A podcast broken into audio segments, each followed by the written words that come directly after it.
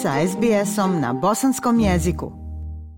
Iša, lijep pozdrav tebi i slušateljima SBS radija. Kao što se i očekivalo, zasjedali su tokom protekle sedmice najprije predstavnički dom Parlamentarne skupštine Bosne i Hercegovine, a potom i dom naroda. I oba doma su na svojim sjednicama usvojili vrlo bitne zakone. Evo, najprije ću reći da je 28. augusta zasjedao predstavnički dom Parlamentarne skupštine Bosne i Hercegovine i poslanici ovog doma su usvojili izmjene zakona o stranu strancima kao i prijedlog zakona o organizaciji tržišta vina u Bosni i Hercegovini. Ovim zakonima potvrđuje se odgovarajuća usklađeno sa regulativom Evropske unije u oblasti migracija i tržišta vina. To je navedeno iz vijeća ministara Bosne i Hercegovine koje je predložilo da se oba zakonska rješenja razmatraju po hitnom zakonodavnom procesu. Kada je u pitanju zakon o strancima, njime se preuzimaju četiri uredbe Evropske unije donesene od 2016. do 2020 2021. godine u procesu kontinuiranog usklađivanja BH propisa sa pravnom regulativom Evropske unije. 30. augusta zasjedao je Dom naroda Parlamentarne skupštine Bosne i Hercegovine i ovaj dom je usvojio pet zakona koji su važni na putu ka Evropskoj uniji. Pojasnit ću Aisha, riječ je o zakonima koje je ranije usvojio predstavnički dom parlamenta Bosne i Hercegovine i to prijedlogu zakona o slobodi pristupa informacijama na nivou institucija Bosne i Hercegovine, prijedlogu zakona o izmjenama i dopunama zakona o ombudsmenu za ljudska prava Bosne i Hercegovine, te prijedlogu zakona o izmjenama i dopunama zakona o Visokom sudskom i tužiteljskom vijeću Bosne i Hercegovine. E, prije toga, delegati Doma naroda parlamentarne skupštine Bosne i Hercegovine usvojili su također prijedlog zakona o vinima kao i prijedlog zakona o izmjenama i dopunama zakona o strancima. Dakle, upravo ova dva zakona koje su e, prije toga usvojili poslanici predstavničkog doma parlamentarne skupštine Bosne i Hercegovine. Najprije negdje početkom protekle sedmice Evropski sud za ljudska prava u Strasburu po apelaciji Slavena Kovačevića donio presudu kojim je utvrdio da su njegova prava u kontekstu glasanja za kandidate za državni dom naroda i predsjedništvo Bosne i Hercegovine prekršena zbog toga što nije u mogućnosti glasati za kandidate koji ne pripadaju konstitutivnim narodima i ne žive u određenom entitetu. Inače, Kovačević, savjetnik predsjedavajući bivšeg predsjedništva Bosne i Hercegovine Željka Komšića e, žalio se ovom sudu u Strasburu jer tokom općih izbora 2022. godine nije mogao glasati za kandidate za predsjedništvo Bosne i Hercegovine i indirektno za Dom naroda Bosne i Hercegovine, a koji na najbolji način predstavljaju njegove političke stavove jer nisu pripadnici tri konstitutivna naroda niti žive u pod navodnicima pravom entitetu. I evo šta je odmah nakon što je sud u Strasburu donio presudu, e, izjavio upravo Slaven Kovačević. E, e, poslušajte šta je ovdašnjim medijima Slaven Kovačević rekao. Ja sam tražio da se pobije taj fenomen nelegitimnog političkog prstljena konstantnih naroda. Brišio si identitetska etnička linija. Dakle, mjesto prebivališta kao fenomen i etnički identitet neće biti više uopšte uzman u obzir prilikom izbora za članova presam. Ne bi trebao. Povodom odluke Evropskog suda za ljudska prava u predmetu Kovačević protiv Bosne i Hercegovine usledile su dakle brojne domaće reakcije. Ovoga puta izdvojit ću najprije e, reakciju visokog predstavnika u Bosni i Hercegovini Kristijana Šmita u pisanom saopćenju.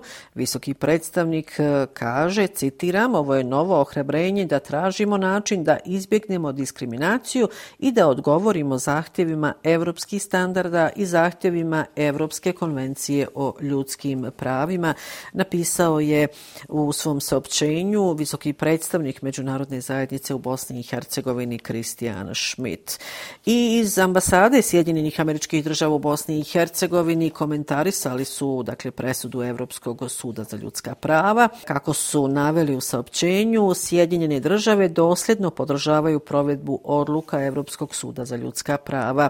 Ostajemo predani podršci lokalnim akterima dok rade na provedbi odluka Evropskog suda za ljudska prava. To između ostalog u ovom saopćenju iz ambasade Sjedinjenih američkih država u Bosni i Hercegovini. Kada je riječ o bosansko-hercegovačkim zvaničnicima i političkim liderima, izdvojit ću samo neke. Dakle, e, oglasili su se zajedničkim saopćenjem e, lideri e, stranaka Trojke, dakle naše stranke SDP-a i Naroda i Pravde. U saopćenju ove trojke između ostalog piše presuda Evropskog suda za ljudska prava u slučaju Slaven Kovačević protiv Bosne i Hercegovine predstavlja važnu polazišnu osnovu za svake buduće razgovore o reformama u Bosni i Hercegovini koje su, kako je sam sud potvrdio i više predmeta, nužne. Dakle, stoji u zajedničkom saopćenju stranaka Trojke. Predsjednik eh, Republike Srpske Milorad Dodik i lider SNSD-a održao je i preskonferenciju tim povodom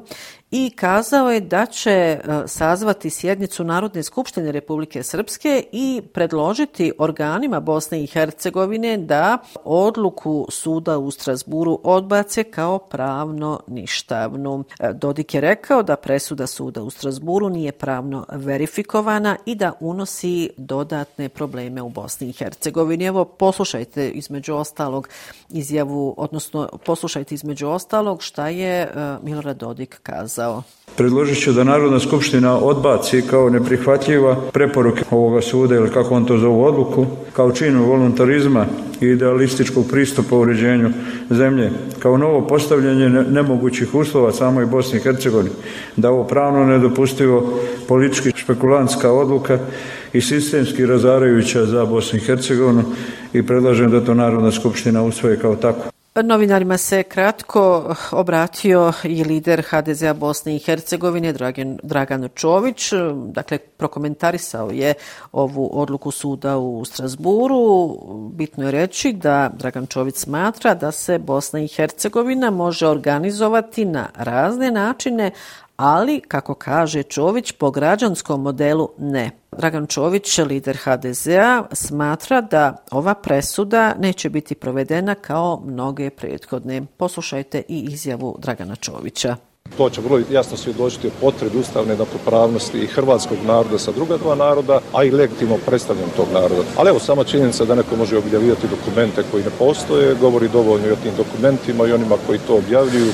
Ovaj događaj je verifikovan kao događaj visokog rizika i upravo Ministarstvo unutrašnjih poslova kantona Sarajevo odbilo je zahtjev odbora za zaštitu i prava Srba u Federaciji Bosne i Hercegovine za održavanja protesta u znak podrške predsjedniku Republike Srpske Miloradu Dodiku i VD predsjednika e, službenog glasnika Republike Srpske Milošu Lukiću zbog podizanja optužnice tužiteljstva kantona Sarajeva.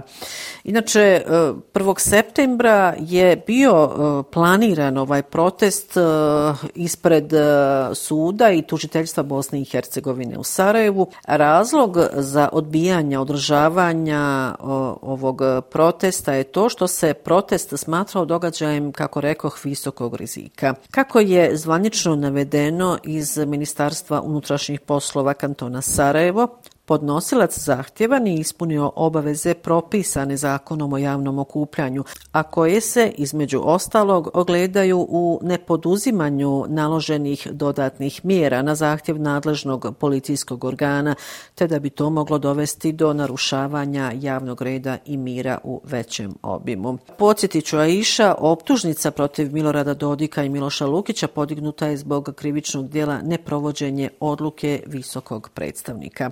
Istog dana kada se oglasilo Ministarstvo unutrašnjih poslova kantona Sarajevo, reagovao je i predsjednik organizacije Odbor za zaštitu prava Srba u Federaciji Bosne i Hercegovine, Đorđe Radanović. I on je pozvao građane Republike Srpske da ipak 1. septembra dođu na entitetsku liniju, kako je kazao, na mirno okupljanje za odbranu Republike Srpske. Đorđe Radanović je pozvao, rekao stanovnike Republike Srpske, da se okupe na području Doboja, zatim Lopara, istočnog Sarajeva, te na putu Nevesinje, Mostar, Moram reći da je zapravo upravo riječ o entitetskim linijama. Građani Republike Srpske su se odazvali na ovaj poziv i bilo je to, kako su rekli, mirno okupljanje za odbranu Republike Srpske.